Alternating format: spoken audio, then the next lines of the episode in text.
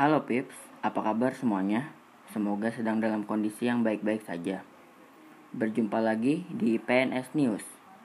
Saya Zaki dan rekan saya Vito akan menyajikan berita mengenai kegiatan sekolah tatap muka.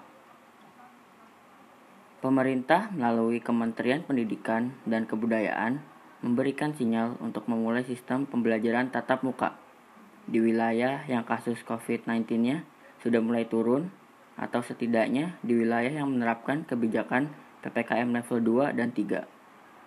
Namun, pembukaan kembali sekolah tatap muka terbatas ternyata tidak semulus yang diharapkan. Sejumlah sekolah terpaksa harus ditutup karena masih terdapat beberapa siswa yang terpapar virus COVID-19. Meski demikian, pemerintah menyebut sekolah tatap muka akan terus dijalankan.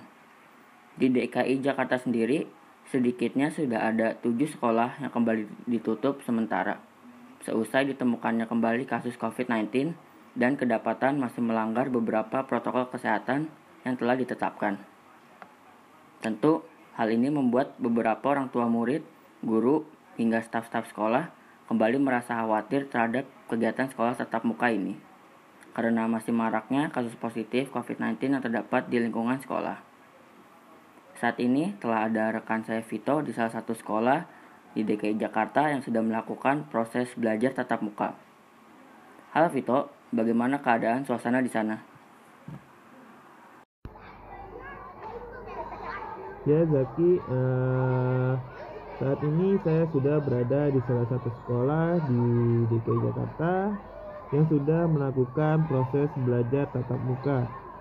Setelah ditemukannya ada tujuh sekolah yang kembali ditutup sementara dikarenakan ditemukannya kasus COVID-19 dan juga ada beberapa yang melanggar protokol kesehatan yang telah ditetapkan. Menurut Menteri Kesehatan menegaskan, sekolah baru bisa disebut sebagai klaster jika penyebaran COVID-19 terjadinya di sekolah. Oleh karena itu, untuk mengurangi risiko paparan virus corona, pemerintah akan mempercepat pemerataan vaksinasi tak cuma bagi siswa, tetapi juga guru. Menteri Kesehatan menyebut masih banyak guru yang belum divaksin. Tidak hanya itu, saya di sini bersama wali murid dari salah satu sekolah yang sudah melakukan proses pembelajaran tatap muka. Ya, Pak, namanya siapa? Ya, halo, eh, nama saya Pak Samsul Ya, saya mau menanyakan bagaimana pendapat Bapak tentang ada beberapa sekolah di DKI Jakarta ditemukannya kasus COVID-19 dan ada beberapa yang melanggar protokol kesehatan. Jadi, ada beberapa sekolah yang ditutup sementara.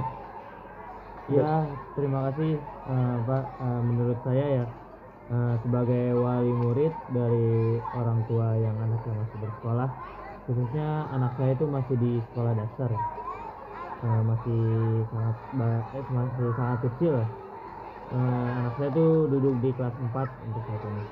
Uh, akibat berita yang beredar sekarang yaitu uh, adanya klaster baru uh, yang terjadi di sekolah tentunya sebagai wali murid uh, saya sangat khawatir ya dengan kondisi anak saya. Uh, yang di mana uh, usia usia itu usia anak-anak itu sangat mudah terkena COVID-19 karena yang kita bisa lihat uh, imun tubuh yang belum cukup yang belum cukup memadai dan uh, kurangnya uh, protokol kesehatan yang diterapkan di sekolahnya. Seperti itu sih. Oh baik Terima kasih ya Mbak Samsul. Ya berikut tadi pendapat dari salah satu wali murid di salah satu sekolah yang sudah melakukan proses pembelajaran tatap muka. Ya terima kasih. Saya akan kembalikan ke studio bersama Zaki. Baik, terima kasih Vito atas laporannya. Bisa dilihat bahwa masih terdapat beberapa kekhawatiran wali murid terhadap kesehatan anaknya selama melakukan kegiatan sekolah tatap muka. Penerapan protokol kesehatan yang kurang maksimal dapat mengancam keselamatan anak selama menjalani sekolah tatap muka. dengan memunculkan klaster COVID-19 di lingkungan sekolah. Tentu hal ini kembali menjadi pertimbangan orang tua murid terhadap keputusannya untuk memperbolehkan anaknya untuk ikut sekolah tatap muka atau tidak. Sekian berita yang dapat kami sampaikan. Saya Zaki dan mewakili reporter Vito izin mengundurkan diri. Sampai jumpa di episode podcast Nostalgia Sekolah yang selanjutnya.